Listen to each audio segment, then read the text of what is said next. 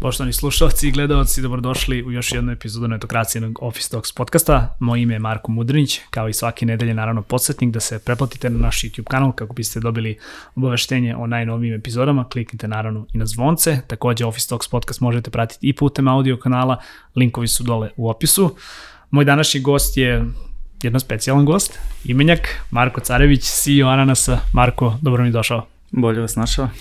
Nismo se videli pa jedno 7-8 godina, ako se ne varam, a kad smo se posljednji put videli, tada smo se zapravo upoznali, to je, to je bilo, da kažem, tvoj period dok si, dok si bio ovaj, u, u Telenor banci, tadašnji. Tako da, evo, još jedno dobro mi došao.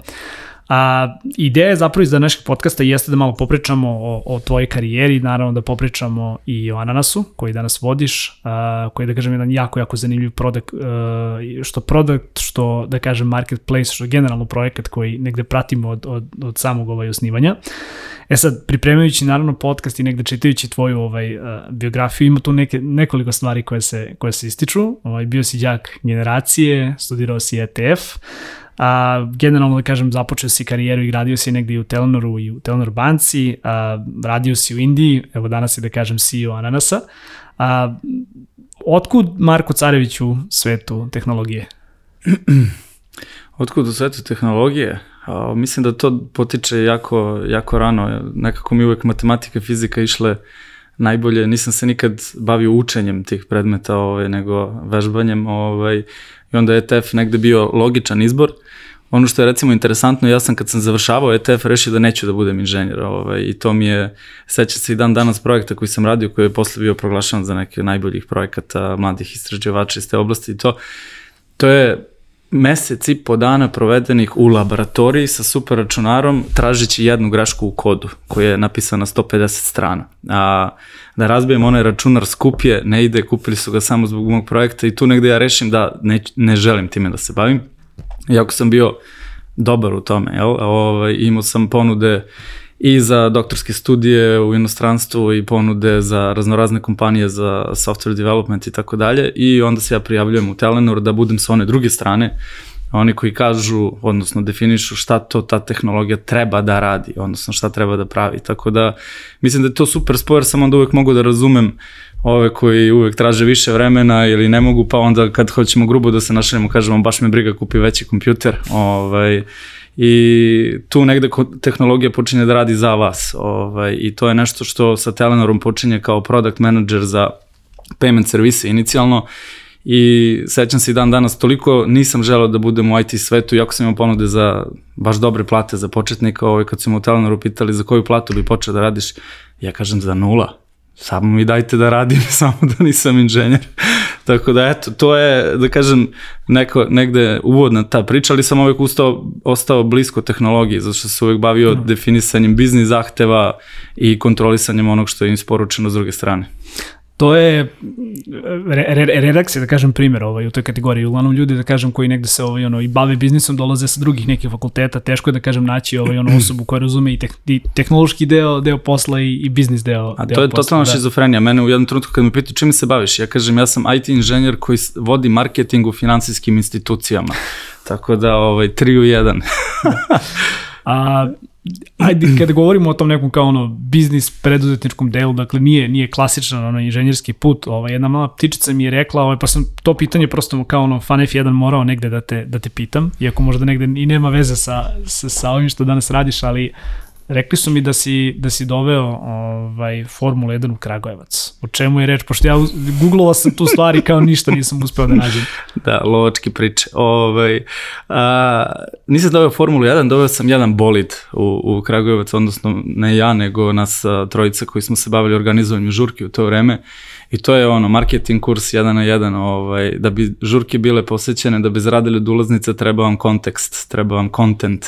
Ovaj, I u tom trenutku mi smo jako volili formulu, ovaj, gledali smo svakog vikenda i padne nama na pamet, ovaj, kao ajde mi da probamo da dovedemo. To pričamo o 2001. godini. Ovaj, mi smo tek izlazili iz one duboke krize 90-ih i sad mi iz malog grada malo smo preuveličali možda koliko nas je i da smo možda malo nakarikirali da se mi tu skupljamo svakog vikenda na desetine hiljada. Ovaj, naravno, targetirali smo Wes McLaren Mercedes koji je vežbao na Hungaroringu, poslali mail i brate, oni kažu, doći ćemo. I onda sad oni kad su došli, onda krećeš šta sad. Ovaj, dok pa ne pitaš dobijemo, ono dok da, ne pitaš ne možeš da, ne dobiješ pozitivan odgovor. I da. u svakom slučaju dolaze oni u Kragovac, doveli testni bolid Miki Hakinena, mislim da je bio ovaj, sa sve kamionom punim ovaj, giveaway sa, sa promoterkama, sa obezbeđenjem. Ovaj, to je stvarno bilo fantastično iskustvo jer je pokazalo u stvari da može Znači, samo treba biti uporan i treba probati, u stvari, prvo to, treba probati, treba da. biti uporan i eto, desilo se, došla je, došla je bolid Formula 1 prvo u Kragujevac, ne znam da li bi bio u Beogradu posle toga. A, dugo godina posle toga, evo, tek smo nedavno, da kažem, imali jedan pravi onako showcase kada je, kada je Red Bull došao. E, ali zadržao bih se za sekundu, jednu stvar si, si jako lepo negde ovaj, rekao, a dok ne probaš ne možeš da znaš da li, da li su neke stvari ovaj, uopšte izvodive.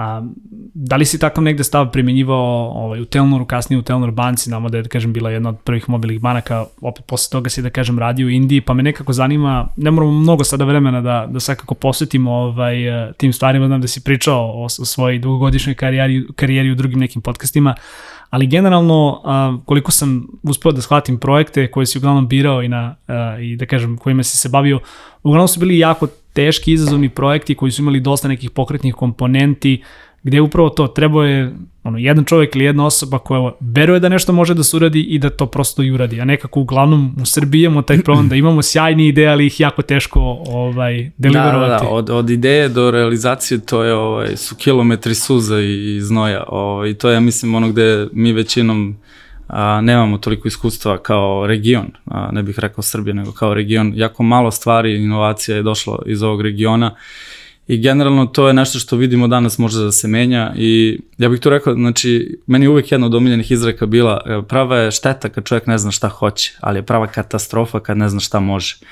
I to sam od ranih dana se vodio time, znači da mi je učenje, odnosno ovaj, kad čovjek nešto voli, znači ništa nije teško, nego onda se to zove strast i to je ovaj, kad radite nešto što niko pre vas nije radio i to je generalno ono što je mene pratilo kroz karijeru i što sam tako brzo, jel te, napredo, što bi rekli u korporativnoj karijeri. Vi kad radite payment servise u telekom operatorima, u roku tri godine ste najveći ekspert ne u zemlji, nego šire.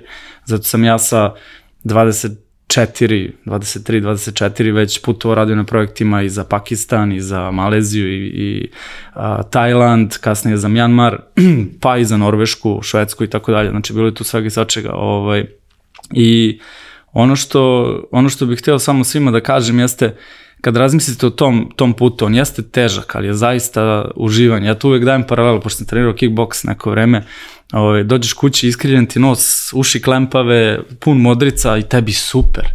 Zato što jedino kad radiš nešto što je mnogo teško, u ovom slučaju kad radite sparing sa boljim od sebe, vi zaista učite. Ove, ovaj, I čovjek toga nije svestan dok se ne izmesti iz realnosti. Tako se meni desilo, jedna jako smešna situacija, bio sam u, u Indiji, trebalo da lansiramo digitalnu banku tamo, I to pričamo o 2016. godine, znači u tom trenutku ja 31 godinu, ovaj, kaže meni CFO grupe, kaže koliko godina imaš? Kažem 31 nemoguće. Kažem, kako bre, nemoguće, ćeš ličnu kartu ti pokažem. Kažem, ne, nemoguće je da toliko znaš sa 31. E to je, kad nešto od nule, I to je, ovaj, to je ono što ljudi pogrešno. Nisam ja ni u Ananas došao, niti tada pravio Telenor banku, znajući šta treba da uradi.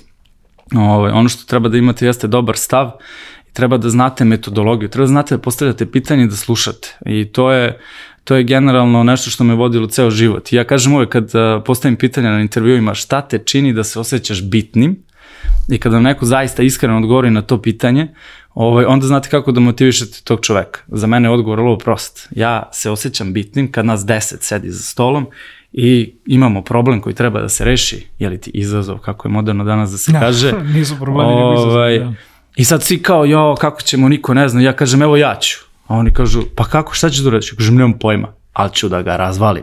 I to je to, to je taj stav, to je ta glad i onda uvek radite i više, i bolje, i brže, i sve ste brži, sve ste bolji. Jedino merilo vam je gde ste danas u odnosu na pre šest meseci, gde ćete biti za šest meseci u odnosu na danas. I svaki put kad stanete i pogledate, ja sad kad pogledam pre šest meseci šta smo radili u analizu, meni dođe kažem, brže smo bili normalni. A siguran sam da isto šest meseci od danas, kad budem pogledao na današnji dan, isto ću da kažem, bože, šta nam je bilo gde smo mi ovaj grešili. Tako da, što bi jedna moja koleginica rekla, a, kaže, iskustvo je ono što ti dođe odmah nakon momenta u kome ti je trebalo. Tako da s tim treba odmah živeti. Nakon momenta, odmah nakon momenta kada ti je najteže. Ovaj. Ne, ali jako mi se sviđa taj stav generalno. Ovaj, mogu da kažem da apsolutno se slažem sa, sa svime što si rekao. Ima i do toga da ajde najveći lider ili da kažem najveći ti pokretači ono koji tu iglu od 0 do do 1 ovaj ono pokreću su valjda ljudi koji negde i najbolje upijaju ovaj informacije ljudi koji prvi kažu ne znam nešto ali ću da kažem ovaj ono posvetiti su svoju pažnju su svoju moć znanje i resurse da to nešto ovaj shvatim i izučim jel da? E sad a, provao si da kažem ako se ne varam 5 godina u Indiji Tako. jel da? A, nakon toga si se vratio ovaj u, u Češku ubrzo da kažem potom si se negde vratio u Srbiju A, da te ne ispitujem sada kakva je indijska poslovna kultura, verujem da je šarenolika i da ima, da kažem da ima svoje neke ovaj, ono, prednosti, jel da? A, šta te negde motivisalo da se, da se vratiš u Evropu i posle tolike, da kažem, dugogodišnje karijere provedene u inostranstvu, da se zapravo vratiš u zemlju u kojoj si otpočeo svoju karijeru? Pa to kao i uvek nije, nije jednostavno odgovor, uvek bude kombinacija faktora. Znači, mi smo se nakon Indije, koja je prošla kao i sve ostale zemlje kroz koronu, samo malo verovatno ste gledali one klipove kad su tukli ljude po ulicama i to, znači tamo lockdown nije značio malo čudo prodavnice, tamo je značilo ne smeš da izađeš na vrata.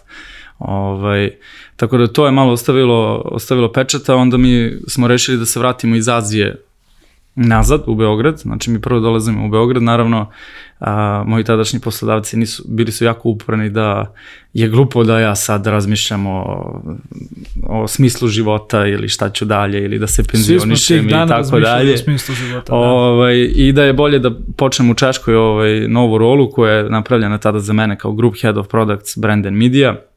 A, sjajna rola, sjajna pozicija, ogromna odgovornost, 11 zemalja, preko 150 miliona klijenata, a, i to 11 zemalja, mislim, Kina, Indija, Rusija, Kazahstan, US, a, Indonezija i tako dalje. Znači, pričamo o najvećim zemljama na svetu.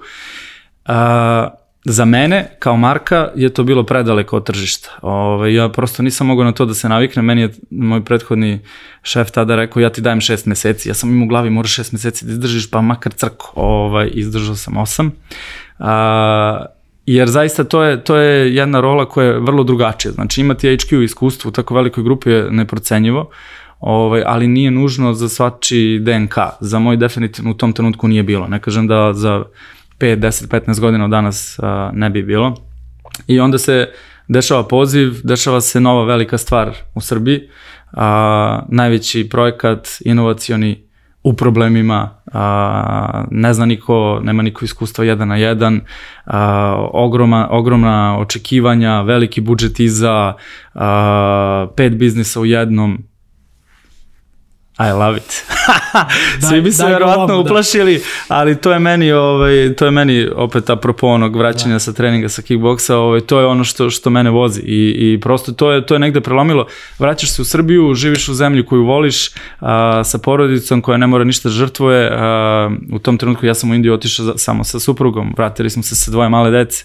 Ovaj tako da definitivno to je jedan veliki aspekt i onda ne osjećam da karijerno bilo šta ovaj, e, žrtvujem, jer e-commerce sam radio onako sporedno, ajde da tako kažem, imali smo iskustvo i sa nekim marketplace-ovima i sa plaćanjima i sa svim i svačim, ali nikad kao e-commerce, kao core, ovaj, i to je bilo ok, evo još jedna oblast o kojoj ne znam, da. ovaj, i koja, koja mi deluje dovoljno zanimljivo da, da može da mi prođe dan vrlo lako. Ovaj, I nisi se pokojao ni sekunde, a odmah da kažem. Bio je, bio je zanimljivi tajming u kojem, u kojem se, da kažem, Ananas pokretao, ovaj, jer baš u to negde doba korone dosta se, da kažem, ovaj, dosta je čitavo e-commerce tržište eksplodiralo. Ovaj, e sad, ja znam kakve su moje reakcije bile kada smo, kada smo zapravo videli najavu da, da Delta kao grupa ulazi u e-commerce. A, svi smo bili malo skeptični, ajde, da, da, da, kažem, ovaj, a, da kažem tako. Kada si se ti prvi put susreo sa Ananasom, kako ti uopšte izgledao tada taj projekat i na kraju šta te negde motivisalo, mada si manje više odgovorio na to, ali ovaj, šta te zapravo motivisalo da, da opet ono, zaista se uhvatiš tih nekih velikih problema ili možda bolje da nam kažeš kako izgleda ovaj, tvoj početak u Ananas? Pa, moj početak je počeo pre početka, ovaj, pošto ja od trenutka kad sam rekao da sam zainteresovan sa krenuo o tome da razmišljam i već da, da neke stvari i pomažem koliko sam mogao u tom trenutku, ovaj, a, imalo je ono ključne, ključne sastojke koji meni trebaju. Veliki projekat, ekstremno težak, a, zato što se radi prvi put u ovom regionu, nema ekspertize, znači morate graditi ljude od nule, ovaj, i velika ambicija i commitment uh, sa strane shareholdera, odnosno vlasnika kapitala.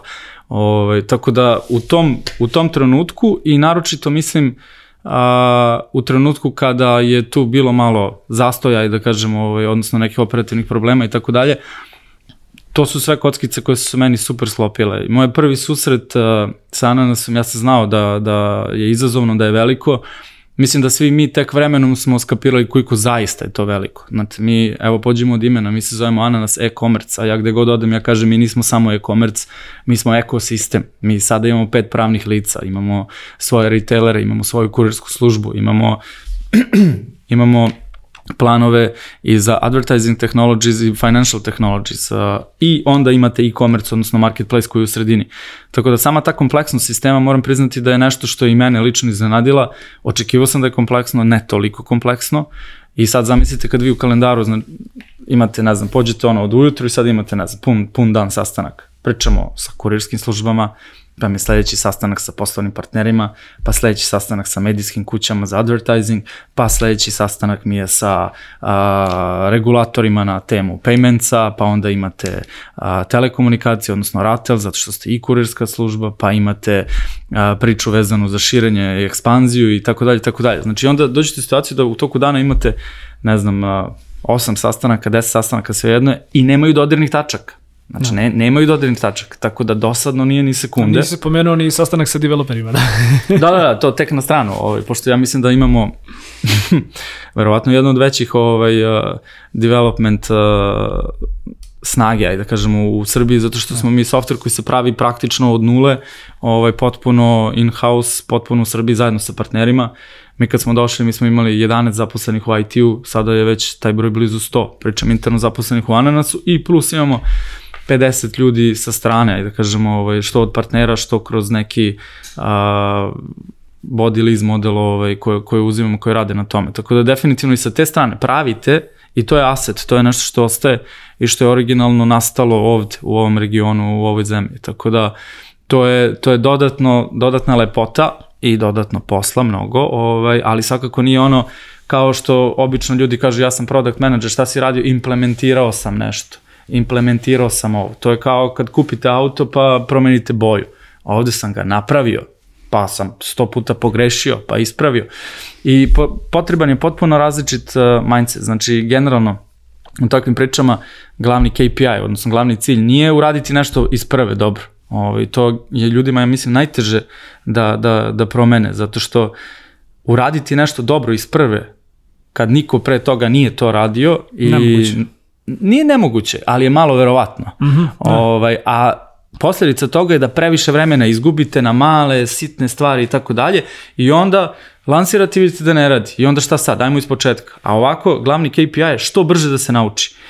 Primer mog... Praviti iteracije. Da, da. primer mog dobrog druga ovaj, koji je bio jedan od core timova, core članova tima kad se lansirala Lazada, jedan od najvećih e-komerca u jugoistočnoj Aziji, ovaj, koji je kasnije prodat Alibaba, znači on je bio u, na Tajlandu kad su lansirali, a posle toga bio i GM na Filipinima i kaže on meni, nemoj da optimizuješ, samo testiraš što brže i sad dao on meni primer i kaže mi prvi Black Friday kad smo imali, nemamo ono, in, ovaj, order management sistem napravljen, što je core e-commerce sistema. Pa šta ste radili? Ništa, zaposlili 100.000 ljudi, rasporedili ih po celom Tajlandu i sad ti stigne Excel, ima jedan sedi tamo sa nekom mini kasom sa kešom, odštampa Excel, da ti ovako 10 ordera, ovde kupiš, ovde isporučiš, evo ti pare. I ti ideš, kupiš, lupam sad ono, toster, u toj toj ulici i trčiš da isporučiš klijentu u toj toj ulici i sad ako je poskupeo toster, vadiš iz svog džepa, nema veze, posle će da ti daju samo čuvaj račune. Tako se lansirala Lazada, koja ima desetine, ako ne stotine miliona transakcija dnevno sada. Ovaj, tako da to je, to, je, to je jedan način rada koji je vrlo nesvakidašnji za scenu koja se trenutno nalazi u, u regionu i koja mislim da se polako menja i sve više dobija na značaju. To je to, lansiraj minimum needed da testiraš neku ključnu hipotezu. Kad si je testirao, e onda dodaj resurse pa, pa razvijaj da. dalje. Da. E, to je. Ako već govorimo o, o, o tim velikim, krupnim izazovima, problemima, a kako krećeš od nule? Kako krećeš u rešavanje? Da li su to veliki izazov, veliki problemi koje onda rašlanjuješ u manje probleme, pa te probleme u manje probleme, kako zapravo, kako uzmeš takvu jednu veliku stvar, shvatiš i odakle krećeš? jako si bitnu poentu pomenuo ovde, zato što razumevanje problema je, to, to, to mora da postoji. Znači, u, u, kad pravite nešto novo, ako ne znate koji problem rešavate, bolje da ne počinjete. I to je bio slučaj u Telenor banci, to je slučaj sa Ananasom, te osnove su jako lepo postavljene. Znači, i, o, poznavanje problema i klijenata, i kurira, i trgovaca, i regulatora u krajnjoj liniji je nešto što je, što je nužno. Međutim, ono, ono što bih pomenuo, ja nikad nisam dozvoljavao mojim a, koji se bave marketingom ovaj, da rade istraživanja i da pitaju korisnike na skali od 1 do 5, na primjer, ovaj, kako vam se sviđa ovaj koncept, što vas uče u knjigama. To je za mene bullshit. Zato što onda u proseku ste na 3,5 do 4 za sve. Ove, ovaj, to je kao ono kad kažu prosječna temperatura je dobra, noge u zamrzivaču, glava u, u šporetu, dva puta mrtav, ali u proseku ok. Ove, ovaj, šta vama treba jeste da pobedite inertnost. Znači, potreban preduslov je da se nekom nešto sviđa. Međutim, ono što morate da postavite kao pitanje kad krećete od nule, jeste, da li ti se sviđa dovoljno da pomeriš da ne kažem šta, iz, iz ono, fotelje i uradiš nešto. Znači, da pobedite inerciju kad smo radili Telenor banku, kad, smo, kad radimo sad Ananas, znači, e, identifikovali smo probleme i rešili ih na način koji je dovoljno dobar da ti uzmeš i odeš prvi put na sajt, registruješ se i uradiš prvu kupovinu. E, to je suština. Znači, ne samo razumevanje problema, nego klasifikacija između njih. Ja sam pričao ovaj, i svojima stalno pričam suprotan primer, znači nerazumevanje problema do čega može da dovede. Znači mi smo imali neke servise, pratili smo ovaj, uh, ono, kao što bi inače radio, pratiš uh, koliko ljudi se žalilo, koliko ljudi je probalo nešto, bla, bla. I sad, u proseku je sve okej. Okay. Međutim, nerazumevanje koliko je bitan problem ljudima je dovelo do toga da smo imali tri jako ekscesne situacije ove, gde je klijent došao i napravio dramu, pod dramu mislim isprebio vlasnika radnje ili tako nešto. I to se desilo tri puta na teritoriji Indije. Statistički ne postoji. Ali efekat Ali toga, problem, da. zato što je toliko veliki problem, je bio da ni jedan više vlasnik šopa nije hteo da prodaje taj servis, da mu se ne bi desilo isto bez obzira što je statistički jako malo verovatno. E tu se mene uče tu bolnu lekciju koliko je to zaista bitno. Znači nebitno što će nešto da se desi u 0,05% slučajeva. Postoji nivo frustracije koji izaziva kod ljudi i to kad uhvatite i rešite taj problem, to je to. Ja na primjer danas u Ananasu se radujem kad neko uradi povrat. Zato što je to problem, najveći. Znači ja sam naručio nešto, platio nešto i sad ne radi ili hoću da odustanem jer možda mi nije trebalo ili šta god I sad ljudi prolaze kroz stres, to su njihovi novci. Vi ste nešto kao vratili, sad ne znate ni u kom je statusu, da li će trgovac da prihvati, pa da li tetka otišla na odmor koja radi u financijama, pa dok ona pošalje upit banci, pa sad ovi iz banke dok dođu na red, pa 45 dana kasnije nešto se desilo. I sad, kad vi to rešite, gde sistemski znate status non stop, gde vam, ako u prvi 14 dana vratite robu, novac se vraća odmah, zato što stoji na namenskom računu, nije još prebačen, prebačen trgovcima i tako dalje. Vi tu odjednom taj pain point ste pretvorili u wow.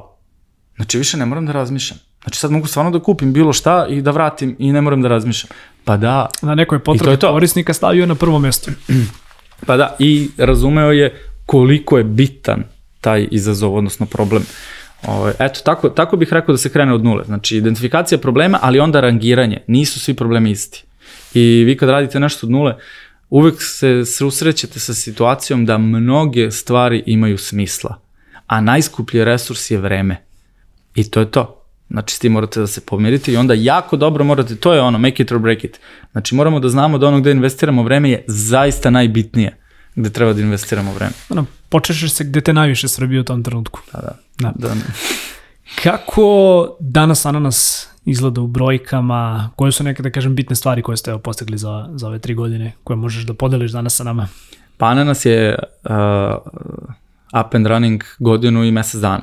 Ajmo poći prvo toga. Dakle, projekat jeste trajao još godinu dana ranije, ovaj, ali što se tiče samog, samog poslovanja, znači Ananas posluje od uh, sredine februara prošle godine, ovaj, to ne izgleda kao jedna godina To izgleda kao 10 godina. 10 godina. Ove, mi smo tada imali 60 zaposlenih, sada imamo 240, ako računam i Makedoniju, i imamo još 50-60 eksternih, znači 300 puta 5. A, nismo imali klijenata, sad imamo preko 150.000 registrovanih klijenata. Nismo imali prometa, rasli smo 300% kvartal na kvartal cele prošle godine. Postali smo najveći marketplace posle 10 meseci. Ovaj, Imali smo jedno pravno lice, sad ih imamo pet. Imali smo, rentirali smo magazin od 3000 kvadrata, sad imamo svoj od 10.000 kvadrata.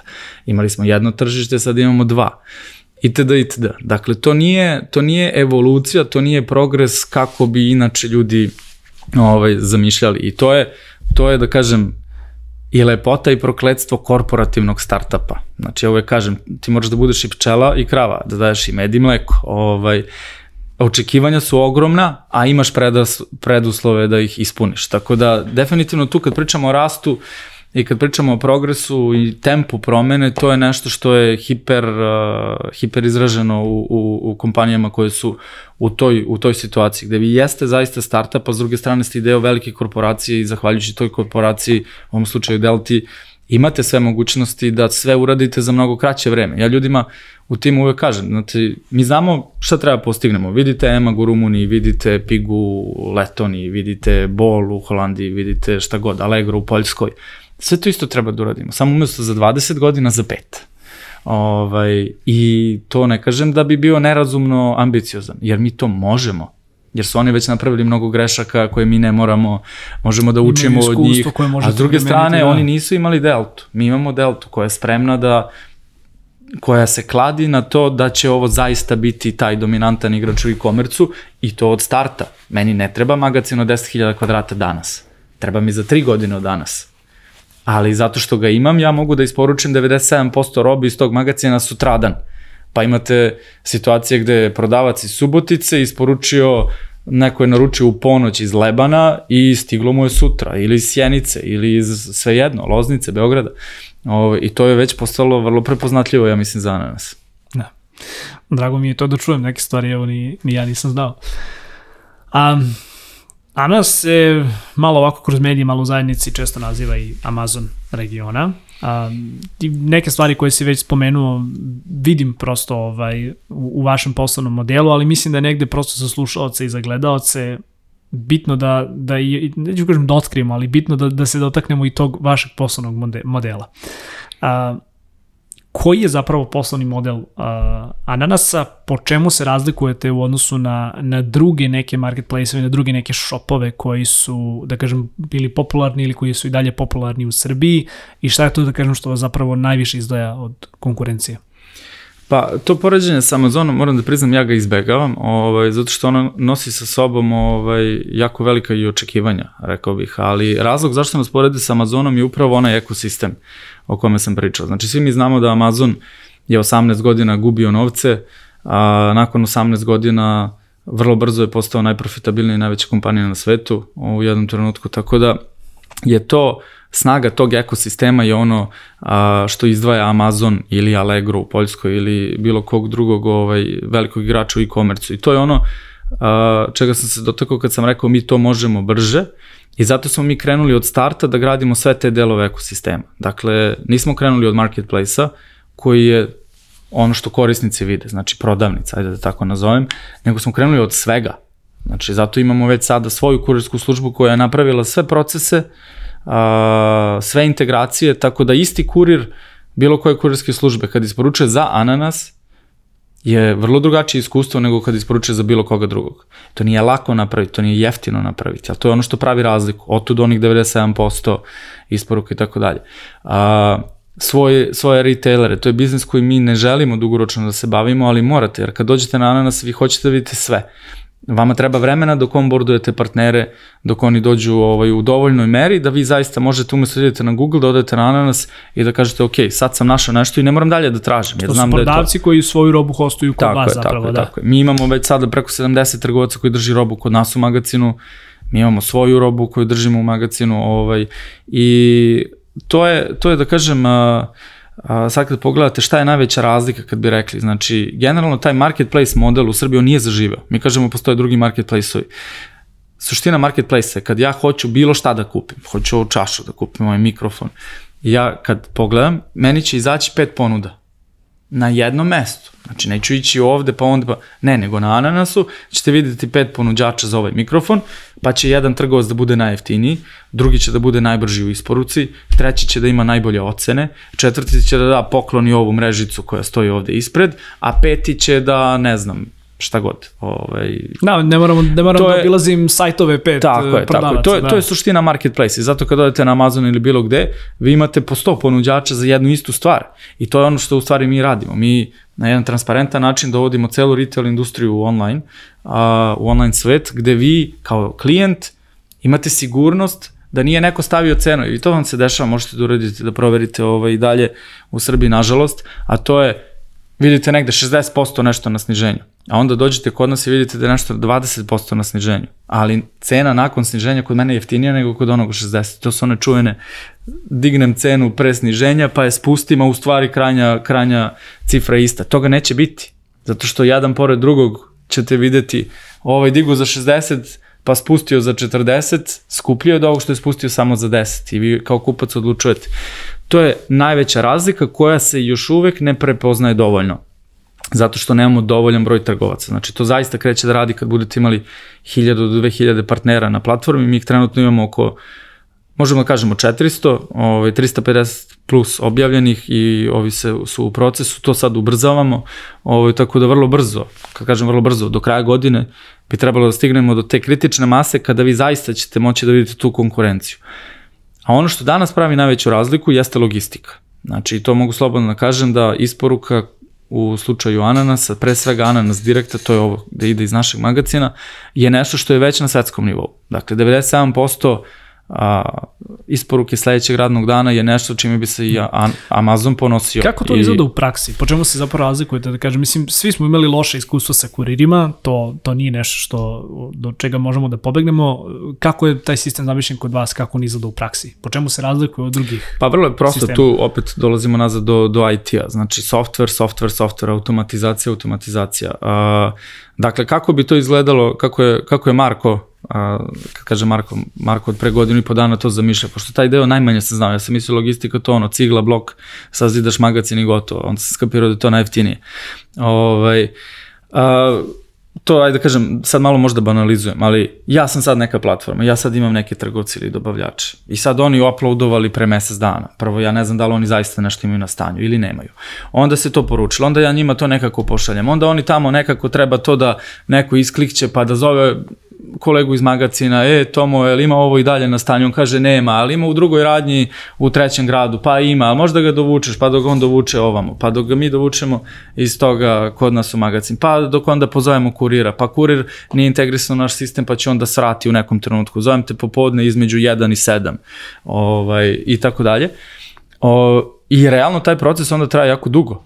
I, ali manji je problem što traje dugo. Veći je problem što je ekstremno nepouzdan. I onda šta, šta Ananas uradi? Ananas sve to integriše i sad ako roba stoji kod mene u magazinu, prvo, sve se dešava automatski i potvrđivanje naloga, ja znam tačno inventar, znam gde je, znam gde je spakovan na osnovu frekvencije. Ja radim rutiranje kurira, a, mi radimo alokaciju na osnovu njihove dostupnosti, na osnovu njihove čak rekao bih i korisničkog iskustva, znači neću svakom da dam da isporuči frižider ili televizor, i tako dalje. Sa, sav taj algoritam koji je unutra i ta alokacija, order management system, znači koji radi alokaciju i tako dalje, od warehouse management sistema, kako to stoji, gde stoji u magazinu, u kojim količinama, kako se pakuje, kako se kombinuje, kako se rutira i tako dalje, dovode do toga da imate ozbiljno veliku razliku u isporuci, bez, bez velike razlike na onom prednjem delu. Dakle, za mene kao klijenta odem sad na Ananas ili otišao na neki drugi marketplace ili e-commerce, da. kliknuo, kupio. E, ali iza To je kao kad ja dam gas na Fići i na BMW-u. Isto sam dao gas, ali ne ide isto. Ove, I to je to. Znači, nije, prosto nije, nije uporedivo i sad to ne kažem da bi pričao da su drugi loši, daleko od toga, ali opet kažem, ovo je najveći, najozbiljniji projekat i zaista to na kraju se kreće da se vidi i sve kreće da, da daje rezultata. Da. Naš net promoter score, verujem da znaš šta je to, ovaj, a, je trenutno preko 90.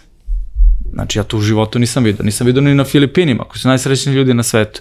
Ovaj, nije zaporediti sa Amazonom, ne znam, Mercado Librom i tako dalje, koji su na 50 i td. Zato što su to, to su marketi koji su, odnosno tržišta koja su već navikla na to dugo. Znači, zašto mi imamo 90 nešto? Zato što smo uradili dovoljan dobar posao, dovoljno dobar posao na tržištu koji ima jako malo očekivanja. I sad naš cilj je da to održimo, možda ne taj nivo, ali bar razliku u odnosu na, na ove da. ostale. I to je, to je zašto? Nismo toliko bolji u user experience-u, verovatno. Ovaj, ako pogledate napred, imamo toliko razliku u odnosu na ostale. Bolji je da. ceo ekosistem. Ananas jedini neće kaže, ma to je kurir kriv. Ili, ma trgovac je katastrofa, nije imao na stanju. Ne, ja sam stao i rekao, od trenutka kad si tražio do trenutka kad ti je stiglo, to sam ja. To je ananas. Ja odgovaram. Meni se žališ i za kurira, i za trgovca. Ja rešavam sa njima umesto tebe imate određene sajte u Srbiji gde vi kad ste na check-outu možete da sami izaberete kurira. Šta to znači? Oprao sam ruke od odgovornosti. Si ti biro ove? Jesi, pa sad vidi s njima. Hoćeš da vratiš robu, evo ti adresa trgovca, vi se sad dogovorite da li će on ti prihvati reklamaciju ili neće. To kod nas nema. Da. Um, jedna stvar me još interesuje, ajde korona negde jeste ubrzala da kažem ovaj, uh, taj intenzitet gde su, putem kojeg su se, da kažem, trgovci negde onboardovali i odlučili zapravo da moraju da budu ovaj, online. Mislim da se nisu ni toliko odlučili koliko su postali svesni. A, u razgovoru sa trgovcima, a, sa retailerima koji, da kažem, svakako jesu bitan deo ono, vašeg poslovnog modela, kakve su njihove reakcije kada vide jedan takav sveobuhvatni sistem gde zapravo neko drugi rešava poprilično velike izazove? Sad ću ti ispričam tri priče ovaj, za tri tipa trgovca. Pošto mislim da to, to najbolje, i ovo, ovo pričam sad iz iskustva, ne, ne hipotetički. Imaš trgovac broj 1, a, ne trebamo online. To su uglavnom srednje veličine, lokalno orijentisani trgovci. I sad ja ću da ti prepričam razgovor sa jednim od vlasnika takve firme. Kažeš, evo, pitaću te vrlo kratko i jasno, šta će meni ananas? I ja sad kapiram, imaš 10 sekundi. Znači, to je to, ili se pozdravljamo, idemo, ili, ovaj, ja kažem, ajde ja tebe da pitam, jel imaš, jel, imaš radnju u Kraljevu? Kaže on, ne. li prodaješ u Kraljevu? Kaže, ne prodajem. Ja kažem, što? I to je to. U tom trenutku oni razumeju, znači ne moram da gradim svoj online, ne moram da se bavim programerima, ne, imam ananas. Znači sad ja sam gde god, mogu da prodajem kome god. Odjedno moja, moja target grupa nije više veličina tog grada u kome živim, nego mi je cela Srbija. Vi sad imate situacije određenih trgovaca, neću ih imenovati, ali će se oni sigurno prepoznati, koji prodaju preko 300.000 eura mesečno preko ananasa. Pričamo o trgovcima sa pet zaposlenih. To su velike cifre. To, su veli, to, to je veća cifra nego što su oni imali pre toga. Ja u, sam ubeđen, ne možda ti koji imaju preko 300, ali dešavaće se jako brzo da će ljudi zatvaraju svoje radnje. Što da se bavi sa rentom, sa, ne znam, strujom, vodom, grejanjem i tako dalje. Imaš ananas, dođe 2 miliona ljudi mesečno, ti ovaj, prodaš malo i tako dalje. Znači, to je, to je prvi, prvi tip, ajde da kažem, izazova. Dakle, ne razumevanje da online nije samo još jedna ekstenzija, da je to u stvari potpuno nova mogućnost, no, potpuno, potpuno drugi, biznis, da. potpuno da. druge, druge mogućnosti. Uh, priča broj 2. Imam svoj online. Ovaj, ta priča broj 2, imam svoj online, je um, kako bih rekao, to je možda i najteže, zato što šta meni Ananas novo donosi? Ja već imam svoju, svoju e-commerce, ti si meni konkurencija. A ja onda na to kažem, vidi, setite se kad je Delta City do, napravljen. Ti imaš radnju u Čumićevom sokačetu. I ti kažeš šta će meni radnju u Delta City? Ne treba ti, imaš radnju u Čumićevom sokačetu, radi lepo. Šta će sigurno da se desi je da će 100.000 ljudi dnevno da prođe kroz Delta City. I neke pare će tamo da potroše. E sad ti ako nisi tamo, vremenom će to Čumićevo sokače se manje i manje da bude posećeno i tamo će da se dešava neka kupovina. Dakle, nije konkurencija, nego je ekstenzija. Znači, to je još jedno. Ja imam Delta City, ali neograničen. Dakle, za razliku od fizičkog ograničenja prostora, moj Delta City je neograničen, ananas je neograničen. I ono što tim trgovcima je najteže objasniti, nismo vam konkurencija, dođite kod nas jer će ta prodaja tamo da se desi. Znači, samo je pitanje da li ste vi deo toga ili niste deo toga. I imali smo vrlo ovaj, a, teške, da kažem, razgovore sa par velikih a, trgovaca na tu temu, gde brojke onda dokažu. Nećete, dobro, ne morate, ali ja moram da radim vašu kategoriju. Onda odem kod drugog, pa se dogovorimo, pa stavimo fokus na marketing, pa odvalimo i, I onda se desi, svesni, da. uh, nismo mi mislili, ba, dobro, mo... nema sujete, naravno, dođite svi, mi dižemo ceo retail online. To je biznis, da. I priča broj 3 jeste trgovci koji hoće, a ne znaju. ovaj, evo, oni su mi najdraži, iskreno da budemo, ovaj, zato što razumeju da tu nešto treba da se desi, ali ne znaju najbolje kako oni tome da se postavi. Mi smo imali jednu ovaj, vrlo simpatičnu situaciju sa, sa jednom od kompanija koje jako poštujemo, ovaj, trudimo se maksimalno da pomognemo, gde moj razgovor teče ovako, posle, ne znam, pet meseci ovaj, rada, sedim ovako preko puta sa vlasnikom, kaže, Marko, ovo ne radi. Ja kažem, upravo si, ne radi, za tebe. I onda pokažeš izveštaj kompanije koja je iste veličine, koja se bavi istim, istim segmentom biznisa, znači istom kategorijom i vidite razliku od puta 30. Kao pa kako? Pa bave se nama. Znači to je sad imam ja ono, pominjem, ne možeš da prodaš pidžamu online ako nisi napisao sastav. Ne možeš da prodaš igračku za dete ako nisi stavio dete pored.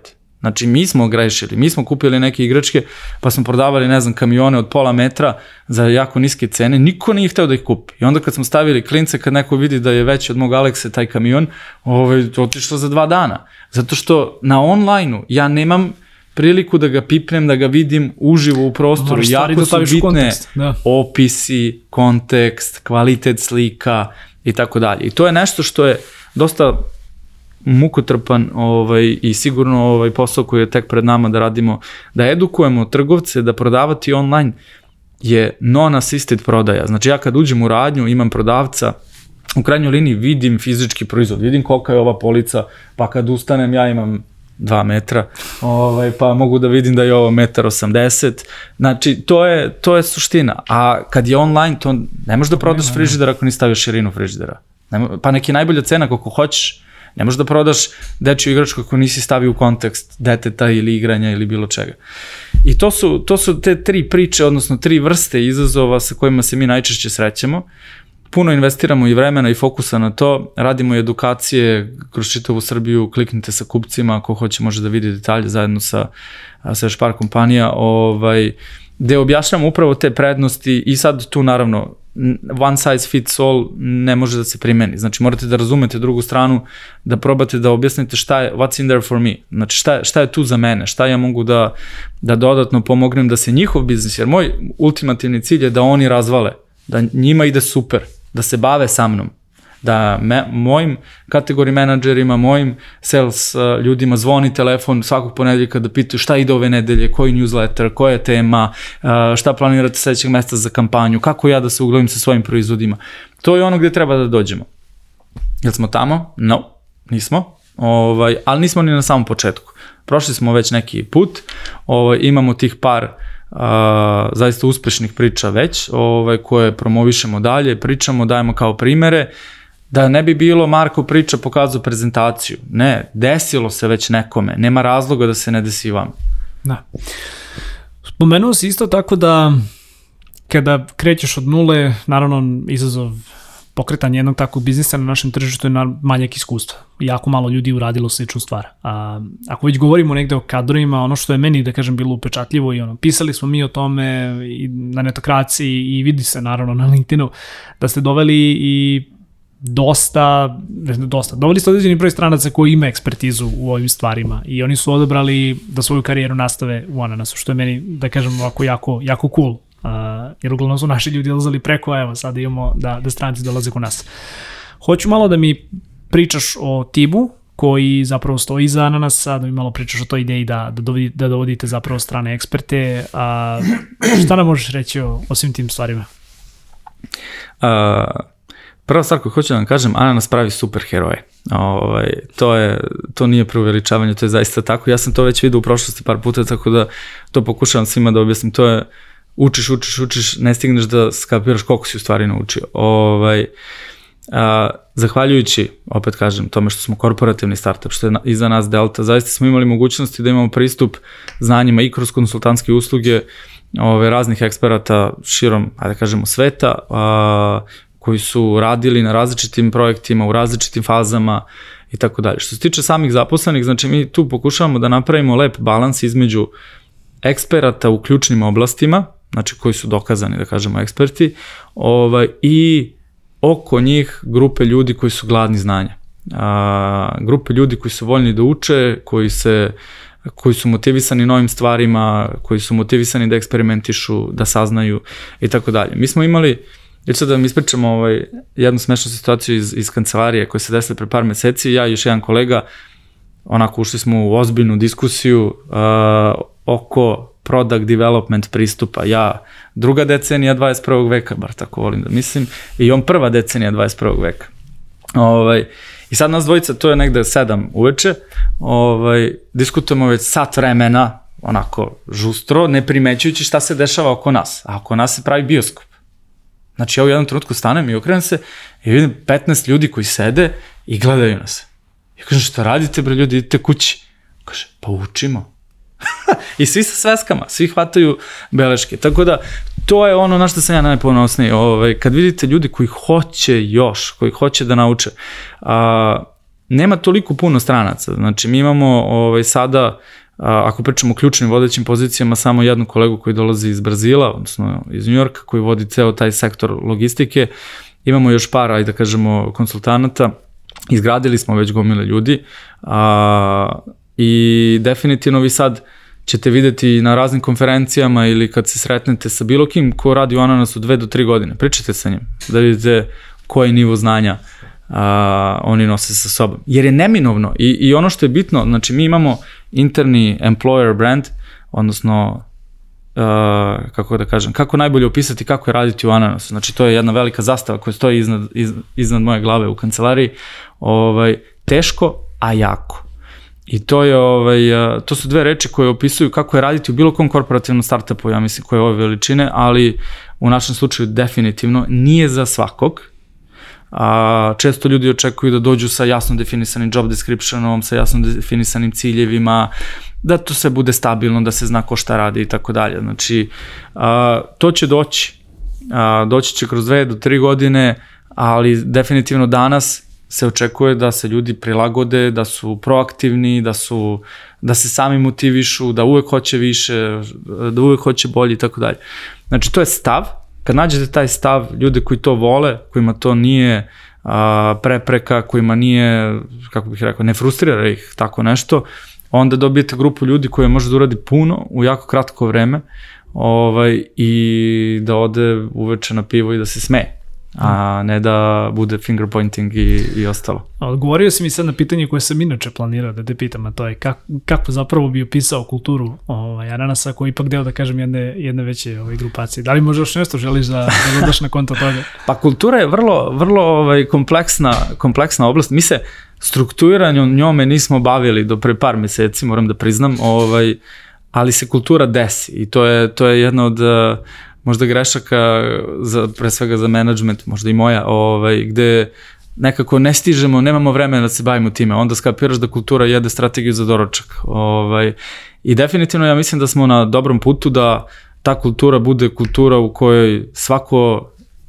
uh, ima pravo da kaže svoje mišljenje, uh, imamo super diskusija, uh, bodrimo se, učimo zajedno, uh, imamo ambiciozne planove, imamo lude ideje, a, puno odgovornosti. Imate, znate, imate u, u običnim firmama ljudi pričaju kao a, nama je problem empowerment of people, ne znam na srpskom kako se kaže. Ovaj, a, U, čekaj sad. Ali nije ni bitno. Da. Ovaj, dakle, da, osnaživanje. Da, osnaživanje. To je problem. Uh, direktori ne delegiraju drugim ljudima, sve je centralizovano. Ovdje imate obrnuti problem. Znači, ja lično kao Marko Carić koji nikad sa kuririma nisam sarađivo i nikad SAP video nisam, sam definisao profitne centre u SAP-u za Ananas Express. Jer nije imao ko drugi. Svi su se plašili toga, ja kažem, ok, ne znam ni ja, ali ajde da...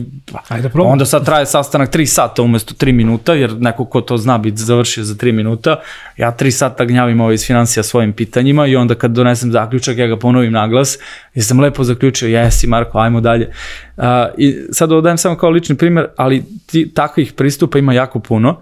Ovaj, I to je, to je ta kultura koju mi želimo da negujemo. Znači, jer ovde nema status quo, ne, nema a, comfort zone, znači nema stajanja, drugim rečima. Ovaj, tako da, definitivno je to, ono, radnička, teško, a jako, a, učimo, a, prihvatamo izazove, ne bežimo od njih, prihvatamo odgovornost, dozvoljeno je pogrešiti, nije dozvoljeno ne naučiti iz greške, ovaj, ali grešimo često, sve manje, ali i dalje često i ispravljamo što brže možemo i to je to. To je do pomeranja igle. da, da. A, kada govorimo već o izazovima, a, najavili ste i regionalno širenje. Ovaj, Čuj, najavili, odradili već prvi da, korak. čuj, najavili, najavili, odradili, e, o tome hoću da mi pričaš. A, zašto Makedonija? Šta ste zapravo dole uradili? Kako planirate da, da to regionalno širenje ovaj, odatle krene? Mislim, sve što možda mi kažeš što me, molim te reci mi. da, da, da. A, pa mislim, nije tajna. Od početka ja na nas planiram kao a, balkanski projekat. Pričamo o celoj bivšoj Jugoslaviji plus plus. Vidjet ćemo ovaj, a, Albanija, Bugarska. To su neka tržišta koje su nama slična, o, iako mi svi mislimo da smo jako specifični, ovaj, zašto? Zato što e-commerce je igra velikih brojki i tu broj 1 ima ne prednost u odnosu na broj 2, ima disproporcionalno veću prednost u odnosu na broj 2 ukoliko ima volumene.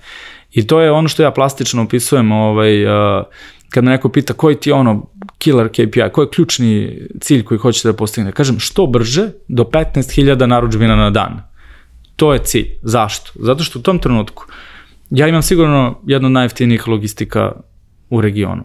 U tom trenutku ja imam jedno od najvećih transakcionih portala u regionu, uh, mogu se poredim i sa bankama nekim i mogu da odem i da pričam sa njima na ravnim ono, kako ka, equal footing. Uh, na, na istim osnovama. Na istim da. osnovama, da.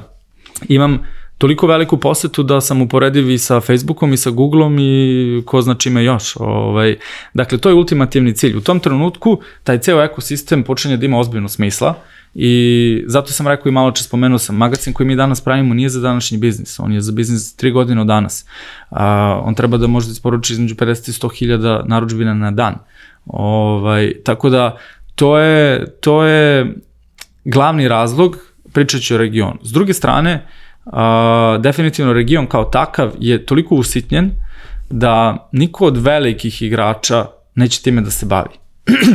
M su mala tržišta, M su regulatorno specifična, naročito ako pričamo o, o zemljama koje još uvijek nisu članice Evropske unije i kako bi ti rekao, neko taj posao mora da odradi. Pa sad, ajmo mi. ajmo mi. Da. Uh, mi smo već uradili akviziciju u Makedoniji, kupili smo dva brenda Pao Pao i Gruper. To je vrlo prosta logika, da kažem, jednostavno opet malo tržište, ovaj nije ne bave se istim biznisom kao mi, ali s druge strane imaju vrlo sličan biznis, odnosno biznis koji može da stoji pored ananasa, a imaju veliku korisničku bazu, bazu trgovaca, znači nama realno štedi godinu dana. Ananas kao takav će vrlo uskoro da se lansira i u Makedoniji ovaj, i mi nismo stali, mi već sada ovaj, imamo sastanke na temu ekspanzije u ostale zemlje i cilj nam je da u naredne dve do tri godine zatvorimo, da kažemo, ceo region. Ovaj, kojom dinamikom i kojim redosledom ne znamo. Jer ja kažem, ljudi, ono kad vide čašu kao je polu puna, polu prazna, ja kažem, ja je popi.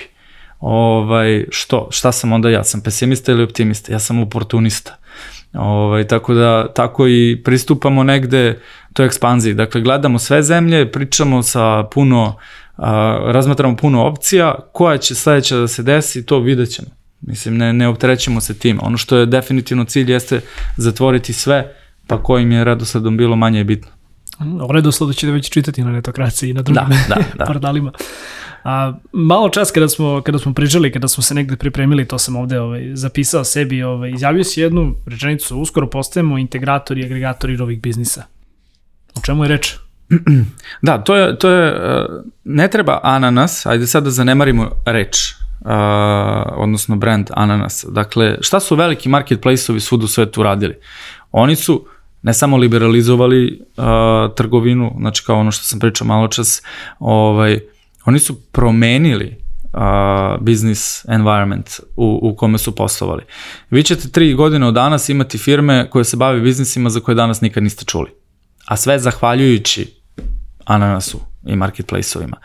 Daću proste primere. Mi smo počeli već da isporučujemo robu ne samo na paketomate i na kućnu adresu, već i na paket zone. Šta je paket zona? Paket zona je kafić u kraju, prodavnica u kraju, šta god, frizerski salon koji prihvata pakete od kurira i ti kao klijent sledeće dva dana dođeš, svratiš posle posle, jer ti usput ispred zgrade i šta god ove, i pokupiš paket. Šta će onda da se desi?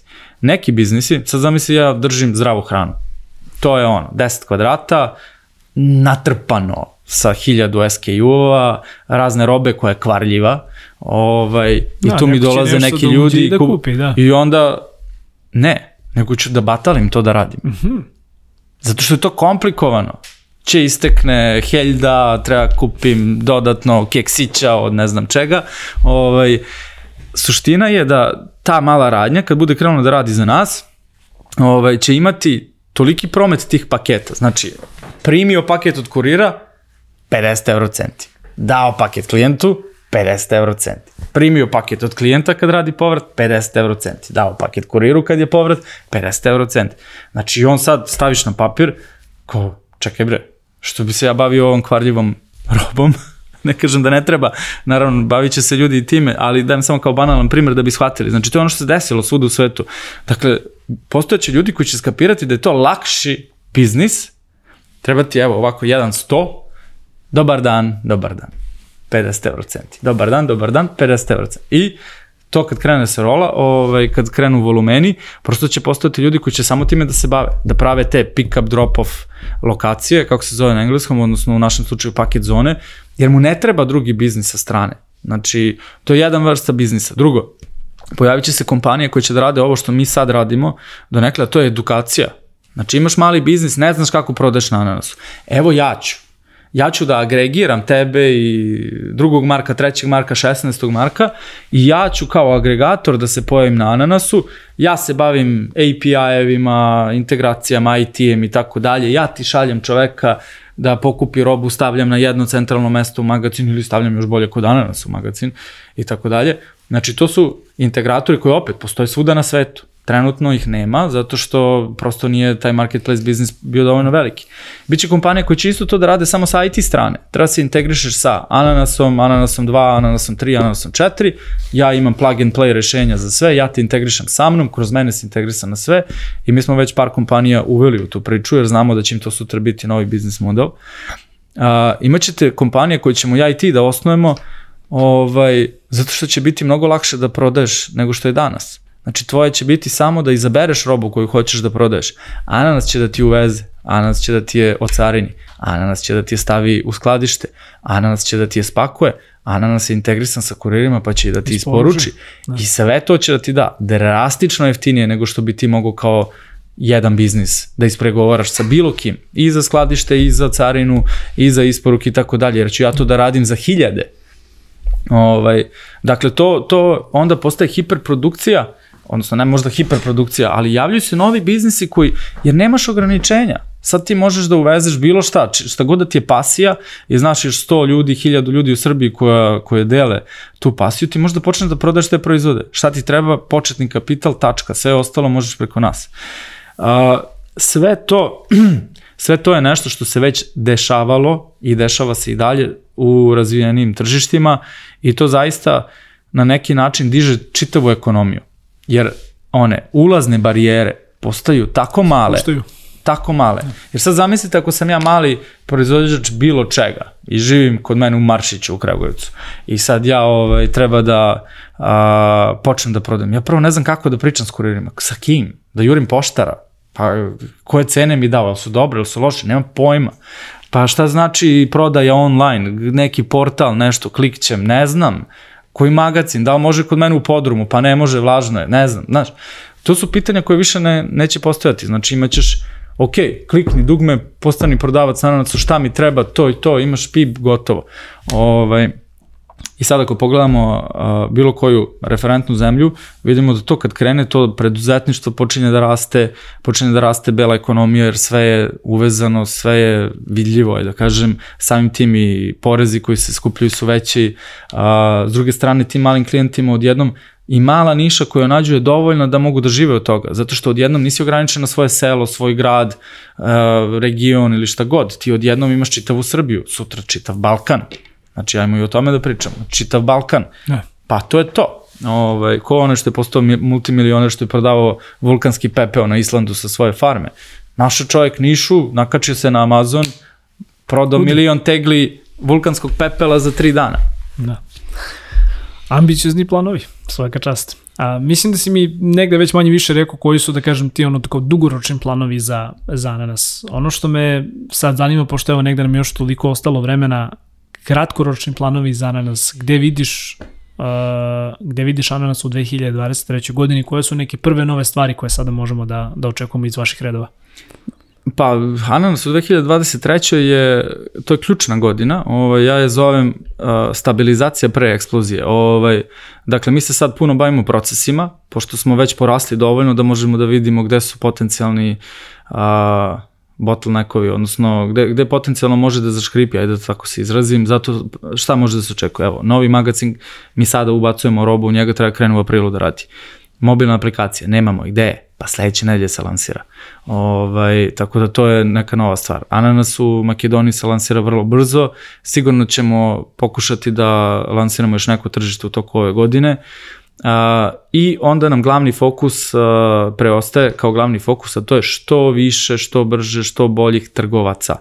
Znači, koji će da prodaju preko nas, jer to je ono sa čime se nismo u dovoljnoj meri bavili, nije da se nismo bavili, ali nismo u dovoljnoj meri, jer to je, opet vraća se na početak kad sam rekao, toliko toga ima smisla, ali samo vreme je najskuplji resurs. Ovaj, sad je došlo vreme da nema razloga da se sad ne fokusiramo skroz na to i već se vide veliki pomaci, znači mi sad na nedeljnom nivou, odnosno na nedeljnom, pre, evo daću ti brojke neke koje su onako interesantne. Pre jedno šest meseci kad bi me pitao koliko trgovaca vam se prijavi samo, znači on klikne postani prodavac, 5 do 10 mesečno. A šta miš koliko je sad? Pero 10 dnevno? Ne 10 dnevno. Ne znam. 10 dnevno. Ovaj, to je to. Znači mi sad bukvalno ono, širimo tim, menjamo proces da možemo što više, što brže, jer to je to. Znači krenulo je da se, da se rola taj snowball efekt, je krenuo ovaj, i definitivno je to ono gde ćete videti najveću razliku. Znači Uh, u broju trgovaca, broju artikala dostupnih na platformi, to je, to je suština. Znači, relevantnost asortimana, prava, prava konkurencija, održavanje kvaliteta isporuka i mobilna aplikacija kao novi kanal, to je, ajde da kažemo, za korisnike u Srbiji nešto što će najviše videti. Ništa, radujemo se svim tim novitetima i puno sreće naravno u daljem radu. Hvala, hvala. Marko, hvala ti puno što si bio moj gost, zaista je bilo da kažem negde uživanje ovaj, slu, slušati te i, i zapravo razgovarati i diskutovati o svim planovima koje stoje pred nas iskreno i kao korisnik u očekivanju sam da, da ih vidim, tako da hvala ti još jednom. Hvala i vama Eto, naravno, dragi slušalci i gledalci što ste ostali sa nama do kraja. Još jednom poslednik, pretplatite se na naš YouTube kanal, kliknite na zvonce kako biste dobili obaveštenje o novim epizodama Office Talks podcasta koji izlaze svakog četvrtka u 10. Takođe, ovaj podcast možete pratiti i putem audio platformi, linkovi su dole u opisu, toliko od nas dvojice za danas, pa se vidimo naredne nedelje. Ćao!